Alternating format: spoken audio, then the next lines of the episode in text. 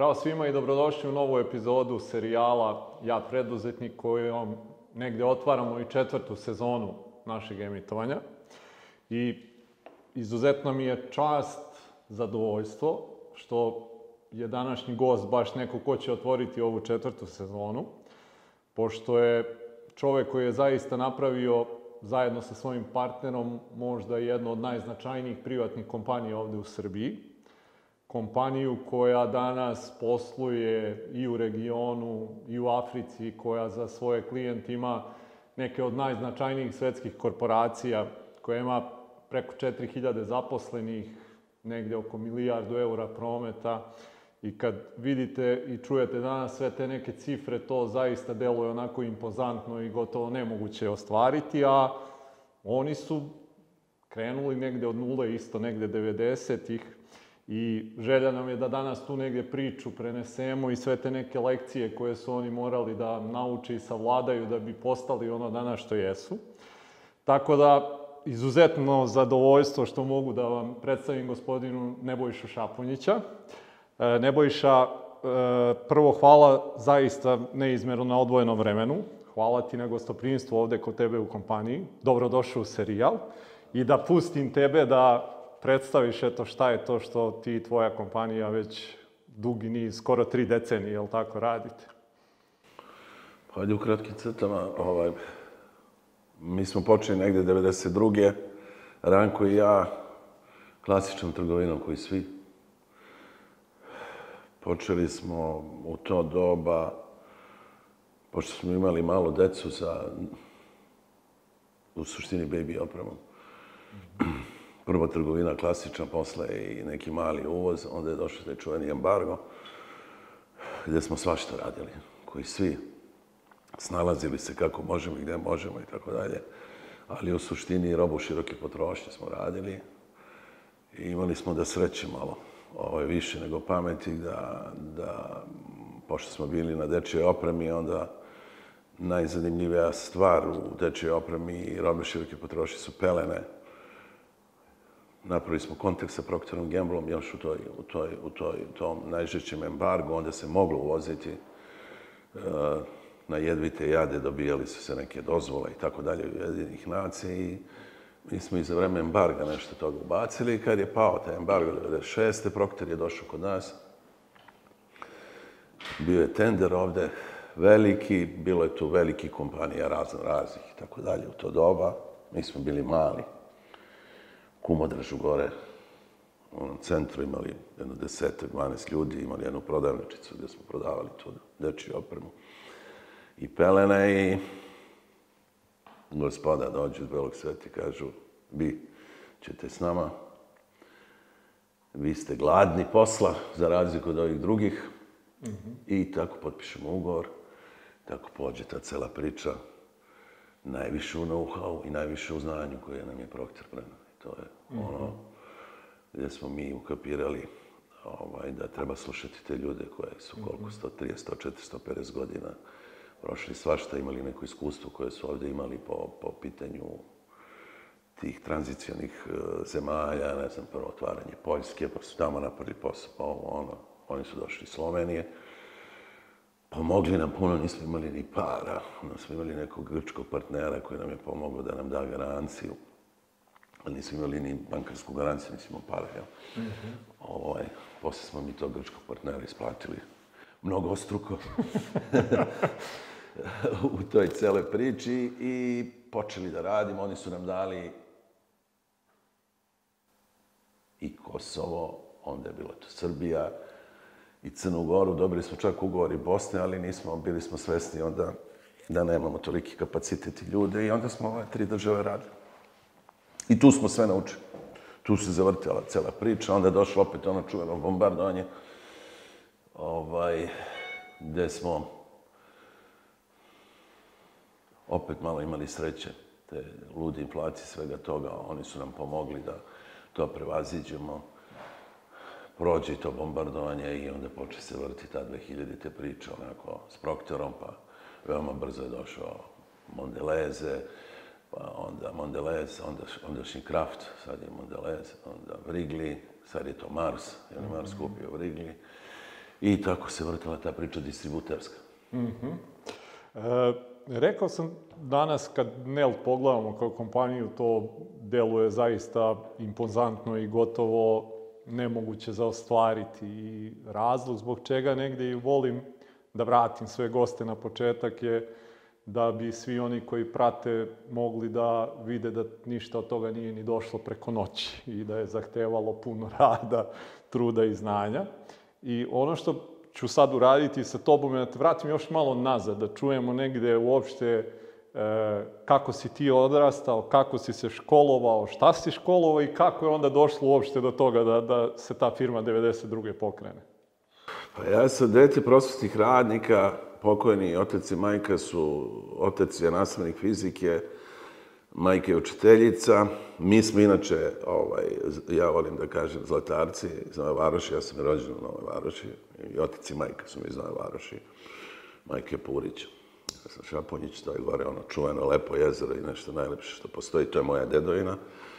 I tada smo, kako je služba i komunizam, ovaj, bio, oni su dobili službu u Kraljevu, ja sam sa dve, tri godine otišao u Kraljevo sa roditeljima, posle su mi se sestre rodile uh, u Kraljevu, završio gimnaziju u Kraljevu i pošto potom sam hteo da upišem ovaj, eh, elitotehniku, nisam bio neki džak u, u gimnaziji, mm -hmm. ovaj, više me zanimale neke druge stvari. Ja da sam dete prosvetnih radnika. I dođem u Beograd i ovaj, ne prođem na elektronici ovaj, ovde, nego na energetici. I slučajno, najslučajnije što postoji neko društvo moje, kaže, e pa mi idemo u Sarajevo, hoćeš s nama, ja odem i upišem u Sarajevu elektrotehniku. I završim u Sarajevu jedno veliko iskustvo, onako životno, baš veliko iskustvo životno, jer je Sarajevo tad bilo čudo od grada, mm -hmm. od, od miksa svega, kulture, nacionalnosti jednog drugog. Tamo sam proveo na četiri, četiri po godine lepog života. Pre rok sam završio elektrotehniku. Nisam bio ni tamo neki student, ali sam pre roka završio. Veoma mlad, sa 22 godine i zaljubim se to, možda ima i sreće malo u Kraljevčanku jednu i onda Eh, imao sam i posto u Sarajevu, sve sam mogao da biram tamo sa Energoinvestom, sa, sa ovim džavolima, ali nazad u Kraljevo nisam imao jedno 3-4 meseca, pet posla bilo, okrenio Brnideće i konkurs u Ministarstvu unutrašnjih posla dole regionalnom. Prime me kao glavnog inženjera za tehniku. I tako sam radio, ajde da ne pričam, ovaj, e, to da 86. pređem u Beograd, oni mene kao kadar ovde povuku, školovali su me dosta i ne mogu da grešim dušu ovaj, po belom svetu u tom, to, u tom delu posla koji je moj u suštini bazičan posao. Dođu čuvene 90. godine, mi smo bili građanska lica, radili smo to što smo radili, tehniku neku. Dođe da se ide u rat. Mm -hmm Ja nisam htio da radim, možda je to tako kako je. Onda sam među vremenu predavao ovoj više školi informatiku u Zemunu i radi još malo i dignem pintle i odem. Prvo sam počeo se baviti tim mojim poslom. Ja sam možda prvi faks u Srbiji montirao ovde. Bio je taj neki čuveni, sad svi znaju za Ceptera, bio neki Milox iz Požarevca, on je isto konceptor, ali nije uspeo i taj prvi faks, bio je faks ko jedno dva kubika, ja mislim, ovaj.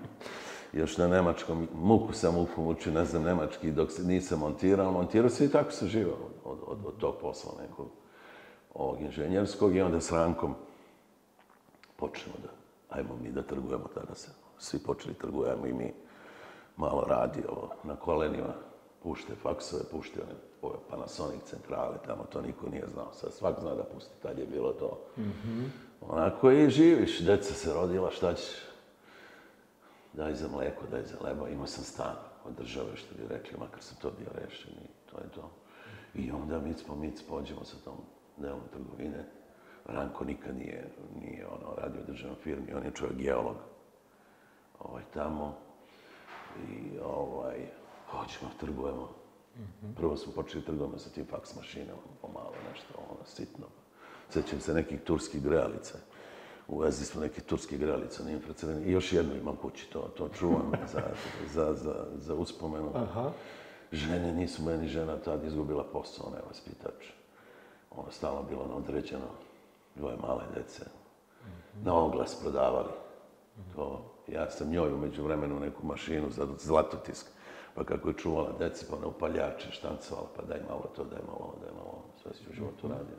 Ja sam pre toga i projektovao dosta, imam ja sve te licence projektantske za, za nisku struju, tako. I onda uđe ta trgovina i pođe mhm. ovo drugo tako. Dakle, ti u principu si negde u, u celu tu priču preduzetništva ušao više ono što bi rekli što te muka naterala ni tatu, ni mamu, ni odnose, ni pare, ni ništa. Pa mi ni, Nelt je firma, to je zanimljiva priča. Kad smo, ja sam to napravio, Nelt sam napravio 92. Ono, a Ranko je došao možda posle pola godine godine. Mi nismo imali 500 maraka onda da promenimo ime firme. Jer Nelt je Nebojša, Luka i Tanja, još mlađi sin Aleksa se nije rodio. Mi nismo imali 500 eura da promenimo ime firme kad je Ranko došao, nego rekli, ma daj, teraj ovo, kaki 500 maraka. 500 maraka bilo kod tri kuće zajedno, mislim, to je čovjek, pričam ti priču, eto. I to je čista kabirijera. Nužda. Nužda. Reci mi, kako uopšte ovaj, e, to partnerstvo između ovaj, tebe i Ranka u tom trenutku, pretpostavljam da ste samo i vas dvojica tu, nema tu nekih zaposlenih nešto, nego vi jurite sve, jel' da? Mi smo počeli da radimo nas dvoje u Božidarađije, napravili smo kancelarije onda kad smo prvo, prvo, prvo tu robu, to je ovaj Čiko, Kiko, kako ga zove, i još neki stvari, nas dvojca, I, ovaj, I dan danas radi tu Ifeta sa nama. Ona je radila kod mene u supu. Otac je poginuo kao milicioner, bila mlada. Daju je otkaz, onda takva vremena bila, ona je iz Novog pazara. Ovaj, I dan danas radi ovde, znači od 92 a, nastrojen. I onda žene kad utrče, daj malo, kreni, obrni, i tu smo tom Božidarađu počeli to da radimo, da trgujemo jedan faks, jedan telefon. Od Višnjice, ove čumene, ima tamo preko puta, ovaj, sad je tu klinika neka, ona Miloš ili ne znam šta, očna, prodato je to. I tu smo počeli tu trgovinu, posle toga nam je jedan kraljevček, koji je bio onako ozbiljan biznismen, on je bio um, direktor kablara, Onda nam je dao taj gornji deo, prešli smo u Kumadošku, gde smo imali jedan lokal, kao malo prodaju i gore smo imali jedno 150 kvadrata i magacin. Sve mi utovarali, mi istovarali. Nas tu je bilo 4-5, koliko smo kamiona pelena istovarali, to je još i dobro sami i prevezli, ali na primjer onda prodavali smo onaj bebelak, sećam se to teško, to je ova dečja hrana za, mm -hmm. za, za, to vrati ona kutija, kad dođe 25 tona, utovari, istovari, Muka živa, ali dobro, sve prođe. Mladost. Je, da.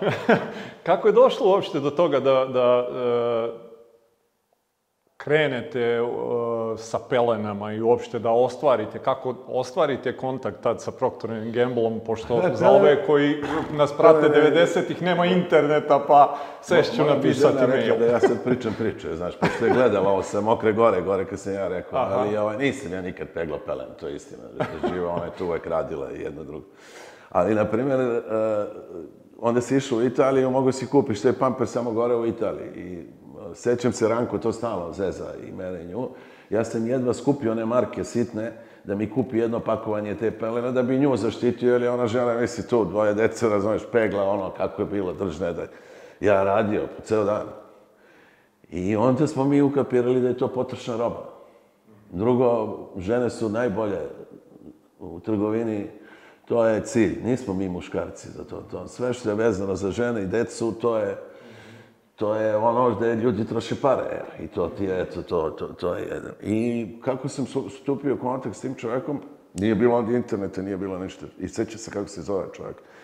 I dan danas je centrale tamo proktora, George Grody se zove čovjek. Ovaj, ja sam zvao jedno, ja mislim, hiljadu puta ovaj, tamo proktora. Ono da bi čoveka nekako uspeo slao, ne znam, faksu. Oni na kraju ovaj video, evo, ove dve ludaka ne odustaju bolje da se javi. Da. I tako nam je dao dva kamiona, onda je bilo problem embarga, kako platiti, gde platiti, nema spoljno-trgovinskog plaćanja, znaš, jedno drugo, to da ti ne pričam, to su tri filma zajedno. Idi u Makedoniju, plaće, nosi, vraća njemu, jeste, gde je kamion, nije kamion. Sećam se, jednom smo išli, tražimo kamion po Bugarskoj Rumuniji. Nema nam kamiona, vratite, ako nam uzmu kamion, mi gotovi, možda se ugasimo. Da, I eto, tako. I onda svima, jedno drugo, tu smo uvozili, ono, to, još vreme embarga i onda posle skažem ti došli su 96, ovo što sam rekao. I... Mm -hmm. Koliko je bilo teško sad te organizacione strane, ok je, e dođete do, do nekog proizvoda koji je tražen. I onda, pretpostavljam da to počinje da prevazilazi vas troje četvoro koliko vas je bilo tu. Koliko je bilo vama izazovno u tom trenutku da i zaposlite nove ljude, a i onda da radite sa tim ljudima, da vodite te ljude, da upravljate. Znaš, tu si uvek ima, na primjer, muke. Ja nikad nisam znao uvoz, znaš. Mislim, čovjek je ali inženjer, mislim bavio se telekomunikacijama, to mi posao bio, mislim, protokolima, da vas ne davim tamo. I sad ti, ja se sećam kad su oni meni objašnjavali šta je ovaj, ta carinska knjiga i, i, i kako se deklariše roba, tamo imaš tarifnik, onaj čuveni, što sad svi znam. To je za mene bilo ko, ne znam šta, tri fakulteta, nisam mogu da ukapiram tarifne brojeve, šta je, onda uzmi, sedi, čitaj. Pa onda to počneš polako da radiš, znaš, onda i ljudi razni, neka natrčiš na dobrog čoveka, pa te on ne vara, pa ti mhm. objasni, pa to ti uradi. Onda natrčiš na budalu, pa te okrene. Ili, na primjer, knjigovostvo, to je najsmešnije. He, knjigovođa, ko da je neurohirurg, je, ko da je nuklearna centrala. Ja odem, bila ona jugoslovenska knjiga, mm -hmm. na Terazijama, čuvena, tamo je bilo onih stručnih, dole u podromu, znaš, za, za kupim bre knjigovodstvo za početnike i sedem. Čekaj bre da naučim knjigovodstvo, pa ne može mi ona mi priča. Šta god je pitaš ne može. Šta god mi pitaš ona ko da je ne znam šta mislim. Onda ukapiraš knjigovodstvo. Kako knjigovodstvo? To četiri tabela, ovako pet, ovako. Onda drugačije pričaš, tako učiš. A posle sve sa proktor. -hmm. Mi smo bukvalno slušali prokteri, tu nema nikakve priče. Mi smo silne kurseve završili, mi smo išli se na, na sva ta njihova gde god su nas E, oni su to zvali CBD, evo imam jedan papir tamo ovaj, o prodaji, načine prodaje, mehanizme i tako dalje i tako dalje. I mi smo stalno tražili to znanje. Onda su oni nama i davali strukturu i davali nam mm -hmm. treninge, davali nam jedno, davali nam drugo. Ok, i ovo je, kažem, na primer, budžete, ja sam budžete radio u državnoj firmi, pošto je bila osmina firma. Mm -hmm.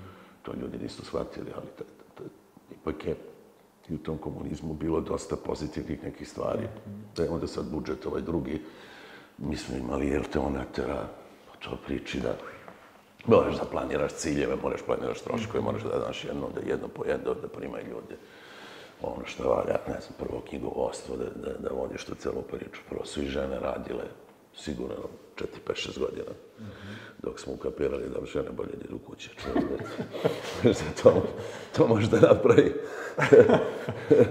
znaš, drugu formu i jedno po jedno, jedno po jedno. I mi smo, na primjer, do, do tog bombardovanja, Bog me onda imali dosta ljudi. Onda smo mi s Proktorom imali skoro 100-450 ljudi, od toga mi smo prvi počeli ovde van prodaju, prodaju iz kombija, Mm -hmm. Ja se sećam, mi smo imali one prve uređaje, nas tu milici i cari nas zaustavljali, mislili da smo neki špijuni, ovi naši prodavci što nose ove, ove uređaje za prodaju tamo.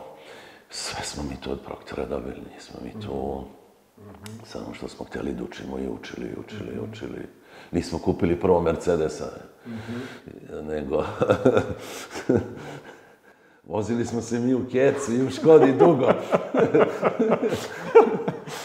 dugo. E, reci mi, šta su neke stvari u tom periodu, recimo, koje si ti morao da menjaš kod sebe? Pa znaš šta, ti si morao da shvatiš samo jednu stvar, e, što je najbitnije to što ti kažeš ljudi što ne shvataju. Najbitnije što, što, što je za mene, I ja to za ove moje godine koje kažem iskustvo jeste da biraš ljude koji znaju više od tebe. Mm -hmm. Ti ne smeš tu u toj stvari, i to mnogi ljude ovde gledam, ovaj, eh, oni hoće da odlučuju, neće da odlučuju, kako se odlučuju. Ja biram kadar menadžerski, to je moje iskustvo, menadžerski ako ćemo da kažemo, samo po dve osnove. Možda i treću. Ovaj, eh, to je da čovjek zna više od mene, pod broj jedan, i da ima stav taj koji će da iskaže. Znači, ja ne podnosim kad mi klimaš glavu. Znači, ti takvi mi ne trebaju. I ja znam više o tebe o prodaji, ili znam više o tebe o financijama, ili znam više o tebe o bilo čemu, šta ćeš ti nam? I ja nemam taj, taj problem ni, ni ja i Ranko. A druga je osnovna koliko ljudi ti napraviš oko. I to je ta čuvana Neutova škola ovde. Ja mislim sad, evo pravim alumni neki Neutovih ljudi. Ne verujem da postoji firma u Srbiji gde nema neki Neutovac za ovolike godine. Što je okej, okay, mislim, u toj celoj priči. I to je moje merilo kako ja menadžera, pravog menadžera prepoznajem. Pogrešio si ti milion puta, milion puta je to otišlo, ali to je forma. I ta škola, mi smo uvek školovali kadar, mi smo veoma kasno počeli, možda nam je to i greška, sad, sad bi to pravio ja neku priču, što nismo ljude sa strane, od da se onda malo i zatvoriš u toj celoj priči, pa ne vidiš šta se dešava okolo, uvek treba primati ljude sa strane, pogrešiš ti nekad, ali ti on donese neki drugi kvalitet, on te vidi drugačije, vidi da si različit, e, gde si pogrešio, ali ti, da ja kažem, ona čuvena priča Slove Miloševića i Mire, e, najlepši ste, najbolji ste, svi oko sebe, svi znaju, svi klimaju glavom, ovde narod crče od, od, od, od, od, od, nema leba da jede, znaš. I to je veoma bitno da ti imaš to okruženje koje će tebi reći, e, ovo ne valja, ovo moraš da ideš ovako, ja mislim da ovako, da uđe s tobom u dijalog, da kaže svoje mišljenje i tako dalje i tako dalje. Nisi mhm. najpametniji. To i ne znaš sve na svetu, ne zna ni Bill Gates sve. I mhm. on plaća mhm. okolo ljude najbolje, mislim, po tom pitanju i to. I uvek smo mi plaćali ljude i gajili ljude. Za nas su ljudi sve, ljudi prave posao, sve drugo je bez veze. Donećeš da ti koliko god hoćeš ugovora, poslova, svega. Ako nemaš ljude tu na pravo mesto, to je, to je daleko od toga. Reci mi, e, sad si spomenuo, eto, negde do 99 ili tako nešto, da, da je bilo nekih već 150 zaposlenih ili tako nešto. Šta je neki sledeći period možda od 2000-ih na ovamo, šta je možda neka ključna tačka koja je bila nova odskočna daska za, za razvoj kompanije? Evo dve ključne tačke, znači tu u celoj priči, to je tad kad je došao Mondeleze, Mondelez, e, Kraft tadašnji i Vrigli, onda je tu opet imali smo jedan iskorak onako veliki, onda je ključna stvar, ajde, mi nikad nismo žalili za tehniku i ulaganje u, u, u, u, u IT, ulaganje u budućnost, ulaganje u, u, u, u nešto novo, inovativno i tako dalje. Čak smo puno puta i pogrešili, možda smo i ranije nešto počeli što ne bi trebalo, jel? I to je ta oskučna daska od posle 2000-te, mi, mi, mi, mi, ono, 2001. druge, kad se otvorila ta cela priča, tu je, mi smo imali veliku navalu ljudi, ali ipak Procter Gamble, kad ti kažeš nekom u CV-u što kaže Procter Gamble, škola distributivska Procter Gamble, to je u svetu broj jedan. I, i, i, to ljudi prepoznaju, druge multinacionalne kompanije i tako dalje. I to je taj prva faza gde smo mi distribuciju odradili do nivoa besvesti, gde smo to I došli sa Briglijem i Marsom i još puno drugih stvari po radnim državama. Znači, mi radimo od 100 listiranih firmi na, na Wall Streetu, u FMCG, u robi široke potrošnje, mi radimo skoro 70-80 e, kompanija u svim ovim državama gdje radimo, znači u delu distributerstva. E onda je došla čuvena kriza gde smo mi ukapirali da distribucija kod distribucija će se menjati i da mi moramo da iskoristimo tu celu priču da odemo u neku drugu formu i da imamo neku drugu nogu. I ta smo ovaj, e, ušli u neoplantu uh i ušli u proizvodnju. Uh -huh. Sad kad bi me neko pitao, to je najteža industrija što postoje. Možda ne bi ušao u mesnu industriju, ali je to onako teško. I u suštini filozofija je naša bila u dva smera. Da Radimo u suštini domaću distribuciju, to je jedna, jedna, jedna forma, jer to su ljudi, za razliku od multinacionalki, E, mnogo lakše je za razvoj i tržišta i jednog, drugog, trećeg, četvrtog je više si inovativni, više možda doprineseš tom, tom, tom, tom delu i onda smo tu dogovorili, ima jedan mnogo lep primer, za Crnoj Gori ima neki Moka Mart, e, Oni su proizvođači klasične kafe, pržionice. Mm Strašni ljudi, jedna strašna familija, koja je prodavala, na primjer, u Podgorici 500-600 hiljada eura ovaj, uh, ukupno promet. I ovi moji od su je prepoznali, jer smo mi rekli strateški moramo da idemo da nešto lokalno radimo i lokalnu zajednicu da podignemo i da vidimo taj brend, da li možemo da povučemo uh, regionalno ili ova svuda gde smo, da pomognemo i tu celu priču. To isto je veoma bitno i za nas, Je ono, uvezeš, prodaš, svi te gledaju kao uvoznika nekog i tako dalje. Mi smo sada prodajemo, ja mislim, preko 7 miliona eura, to je broj jedan brend u Crnoj Gori, tamo Kamalit. Za šest godina. I to je, to je neka filozofija koju, koju smo išli. To je jedno, onda smo ušli u proizvodnju sa Neoplantom, muku mučimo. Sad smo napravili ovu fabriku dečje da hrane ovde, mm -hmm. koji opet to je Greenfield i ima, ima, ima puno posla, onda imamo i proizvodnju do u Kraljevu reklamnog materijala Banim. I verovatno će u tom smeru još više ići i, i raditi tu celu priču. Onda smo umeđu vremenu, ne znam, sad smo sa Krašom radimo ovde globalno, onda radimo sa Vitalijom iz, iz, iz Makedonije, znači biramo i te lokalne firme koje su zanimljive, koje imaju rasti, koje imaju uh, Mhm.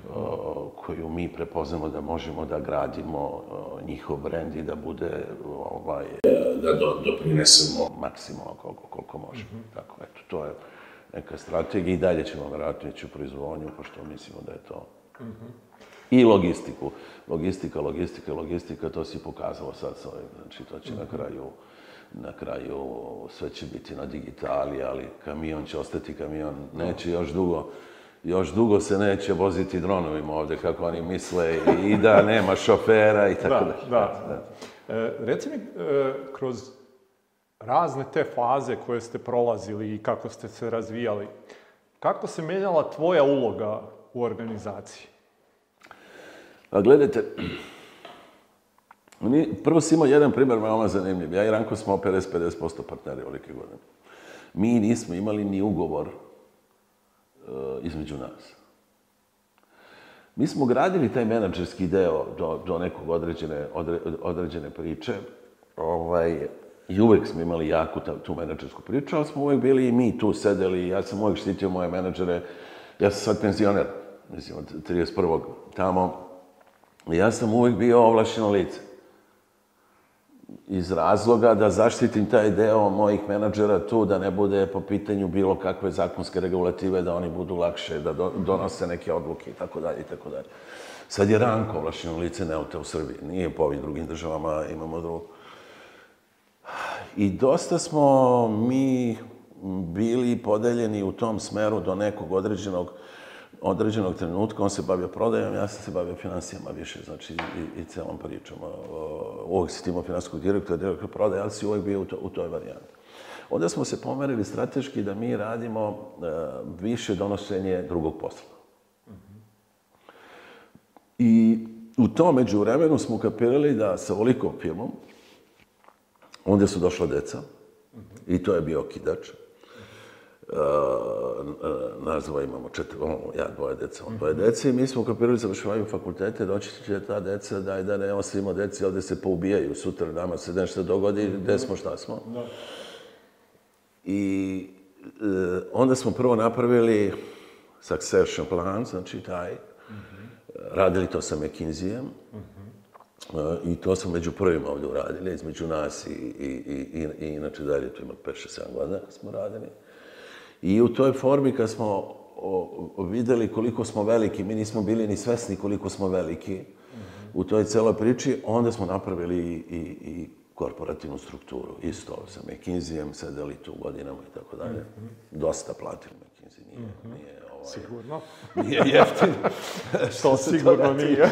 ja konsultant inače ne volim, ali to nismo razumeli. I, I mi smo sada, znači, u toj fazi da, da smo i jedan i drugi pomereni. Mi sedimo na nekom nadzornom odboru. Mm -hmm. e, gore, u tom nadzornom odboru mi držimo u suštini gro te cele priče su investicije mm i strategija. Mm I dan danas radimo nove poslove gde možemo da doprinesemo. I znate, uvek vole gazde da vide i, da. i s jedne i s druge strane i uvek je to neka stvar i onda smo eto tu. Mm -hmm. Ali smo dosta, iz izvršnog posla smo dosta pomerili. Mm -hmm. Koliko je važno taj negde odmak koji se napravi iz tog nekog operativnog? Veliki broj naših e, vlasnika kompanija, osnivača, ostane dugo zaglavljen u tom operativnom delu i nemaju baš dobru sliku samog biznisa. Više rade unutar biznisa nego što rade na njemu. Ele, ti tu imaš dve stvari koje su veoma zanimljive. Inače, korporacija je, e, pošto ja radim ceo život sa multinacionalkama, ja? kad odem u penziju ne znam da pišem, ali ću napisati o multinacionalkama knjige. Okay. Ti imaš dobre i loše strane. Mm -hmm. Taj period kad ti postaješ korporacija je mnogo težak iz dve stvari. Korporacija košta. Mm -hmm. I ti da bi napravio sistem i ostalo stvari, to je jedno što košta, drugo što je odluka Zato je privatni biznis mnogo, mnogo lakši. Ti donosiš odluku, ja i Ranko sednemo, donesemo odluku. Pa pogrešili, pogrešili, ali ga donesemo sada. A ti u korporaciji dok doneseš odluku, treba ti i vreme, i vreme, i vreme, i vreme. I to su neke stvari. Ali da bi ti to kontrolisao, ti moraš da ideš u korporaciju. Mm Šta je to, ne znam, SAP je SAP, ne voljamo mi SAP što volimo SAP, nego ako imaš 12-14 firmi u, u, u, u 10 država, ti da bi financije kontrolisati, ti samo moraš sa SAP. Niko ne voli da da 2, 3, 4, 5 miliona, ali to je jedina forma kako ti to možeš da radiš. I to košta. E sada, da li ti taj svoj servis možeš koji košta da ga prodaš, to je pitanje. I sad je tu taj balans, e, e, pogotovo na ovakvim tržištima, e, veoma su klijenti zahtevni. Mm -hmm pitanje je da li ti njemu daješ kvalitet i cenu ili mu ti daj, znači manji kvalitet i manju cenu, to je pitanje. Mm -hmm. I pogotovo u ovakvoj konkurentnosti, razumeš me, mm -hmm. gde ti, mi, mi, ti ne možeš, mi smo, što bi rekli, 100% legalni. Nikad nisi u tom životu, sad u ovom delu sive ekonomije, neplaćanja poreza, doprinosa, jednog, drugog, trećeg, sad ti kad imaš konkurenta, on je sigurno jeftiniji od tebe. Mm Ako nema još SAP koji košta 300, 400, 500 hiljada godišnje samo da, da, to, da, da to ide, ti to moraš da prodaš. E sad je taj balans veoma zanimljiv. Mm -hmm. Dokle, kako, to su stalna preispitivanja. Mm -hmm. Znaš, onda ti napumpaš tu korporaciju sa, sa nekim, pa vidiš da ne možeš to da izdržiš, da ne možeš svoj servis, pa onda je spustiš malo, pa onda vidiš da ti treba razvoj, ako nemaš razvoj tu ćeš da te pojedu i tako dalje i tako dalje. Tako da je to filozofija koju mi se strateški bavimo s njima, eto to, koliko možeš. Da. Znaš. Da. Kad si sad spominjao već, eto, oko tog donošenja negde odluka, E, kako je to nekad ranije izgledalo, ti ranko sednete pa donesete odluku. E, jel se dešavalo nekad da vam je e, mišljenje različito uh. i kako ste onda dolazili u, uh. koju, u koju stranu ćete da idete? Pa gledajte, oni ti nas vide primar, to ti je kod dobrog braka. Svi misle dobar brak, dobar brak. Koliko se puta posvađao sa ženom na krvi noć, to niko nije video, razumiješ? Da, da. Najbitnije da ostane u kući i da ne vidi niko, ni deca, ni niko. Eto, to ti ta, pa mislim puno puta, ali uvek je to razumna priča. Mm Uvek je tu sa činjenicama, neko nekad popusti, neko popusti s druge strane, neka neko pogreši što je popustio, a ode na drugo. Ali to od te to oni misle, je što ljudi mhm. misle da sve to je med i mleko. To je mm -hmm. pojma, nema. I uvek je to odluka koja je na stolu, pogotovo ta strateška, da li će mhm. levo, da li će desno. Puno ima tu stvari, zato smo, da, zato smo je napravili gde smo zajednički doneli. Ali ima mnogo stvari gde smo promašili. Mm -hmm. no, ako neko misli, priča mm -hmm. da mhm. si najgenijalniji i naj... Mm -hmm. uh, uh, od 10 projekata prođe tri, da se prime, a sedam, da te mnogo ne bole, ti si najsretniji na svetu. kad, kad e, donosiš odluke, šta ti je negde bilo presudnije, intuicija ili više ono analitika i I jel to se tu, možda promenilo vremenom? Tu smo ja i Ranko različiti. On više to intuitivno gleda i tako dalje. Ja sam ti više čovjek inženjer Mhm. Ja uvek to, to volim da spakujem ovaj, i da znam ako mogu da pretpostavim i tako dalje. Ja i dan danas ovaj se, pošto gledam brojeve, znaš, ja, da, to meni je obsesija e, brojeva, oni ne mogu da veruju koliko ja poznajem brojeva, ne, nisam operativan, ali gledam, znaš, dobijam mhm. izvešte i tako dalje, mhm. znaš, po tom pitanju. Ja sam to uvek voleo unapred, ali i tu si, i, i, i sa intuicijom puno radio, sad zavisi od projekta do projekta ali ima i jednog i drugog, to je miks. Mm -hmm. Što više ideš, sada više, više ideš na brojke, što bih rekao, mm -hmm. ovaj, eh, i na analitiku, i na jednu, i na drugu, i na treću stvar, ali ima i sad intuiciju. Ne? Mm -hmm. Šta je možda najveća greška koju ste napravili u prethodnih, evo, skoro 30 godina? Jel bi mogao da izdvojiš možda nešto što je da se ističe baš? Pa znaš šta, sad ću ti kažem, puno greške smo imali, to prvo da bude. Mm -hmm.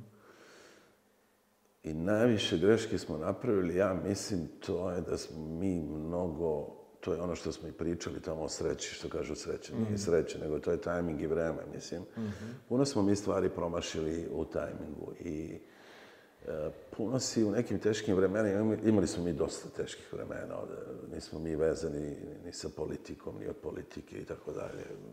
Dosta smo imali nekih agresivnosti, da ne pričam ovde, ne imena tamo i tako dalje i tako dalje. Znaš ti to o čemu pričam. Um, onda si napravio neke greške, na primjer, sećam se onda kad smo ušli u taj čuveni corner shop, muka te napravila, ajde sada štitiš ovaj svoj biznis, I onda si ti ušao u neki, ne, neki deo retaila, koji je u suštini nisi ga pogledao kako valja, mm -hmm. margine i jedno drugo, nego si više daj da se štitim, da pravim neku celu priču sa, sa, sa, sa zaštite od, od okolnog tržišta. I ovaj, uh, ušao si u, u, u tu varijantu bez znanja, bez ljudi mm -hmm. i bez procene koja, koja, koja valja natjerao te trenutak.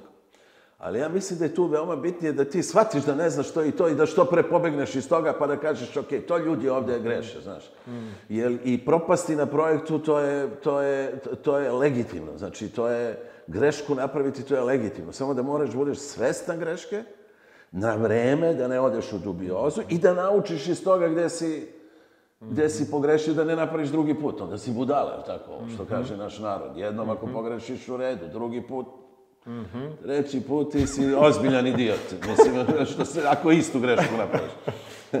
E, to je to, ali... Znaš, šta znači grešaka? Možda više ima neki stvari koje nisi uradio, treba bi da uradiš. Šta bi možda tu izvojio? Pa ima, na primjer, ovde to me strašno boli, ovde jedno parče zemlje ovdje. Ja ne volim banke i konsultante, znaš. A ovaj sad slušajući neko od banaka i onako sa njim. I sad ovaj plac ovde, kompleks gde sedite ovde je ovo onako veoma zanimljivo. Mi radimo tu neki, jedini radimo u državi, možda ste prošli ovaj ter, terminal privatni, kontejnerski, mi imamo dva, tri voza iz mm Kopra i ovog. Mhm. I sad je tu bilo parče zemlje, to je Merkur, onaj slovenački, mhm. koje je veoma zanimljivo za nas, isključivo.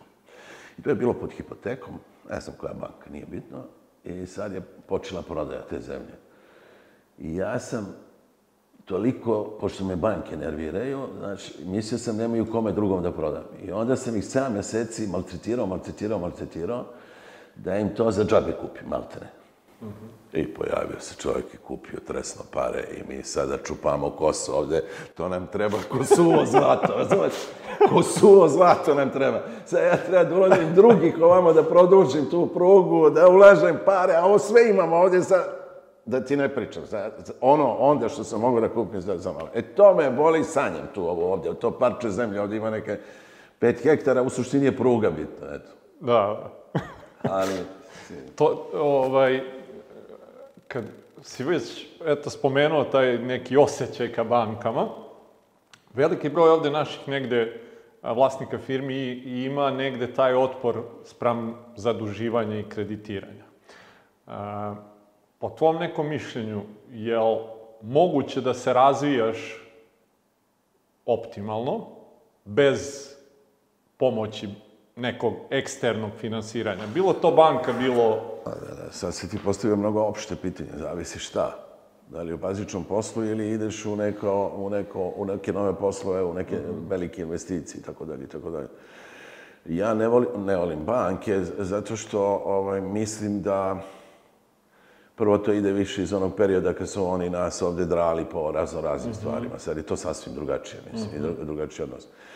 Ali ti, ne možeš da se razvijaš i da praviš skokove ako nemaš, koliko god si veliki, e, ako nemaš e, e, banki za sebe. Ne možeš ti napraviti kapitalni objekat, ne, možeš ti napraviti fabriku dečje hrane bez banke. To su 34 miliona investicije. Ti sada, da, da, da tu formu, prvo je, to nije, kako bi kažem, nije biznis.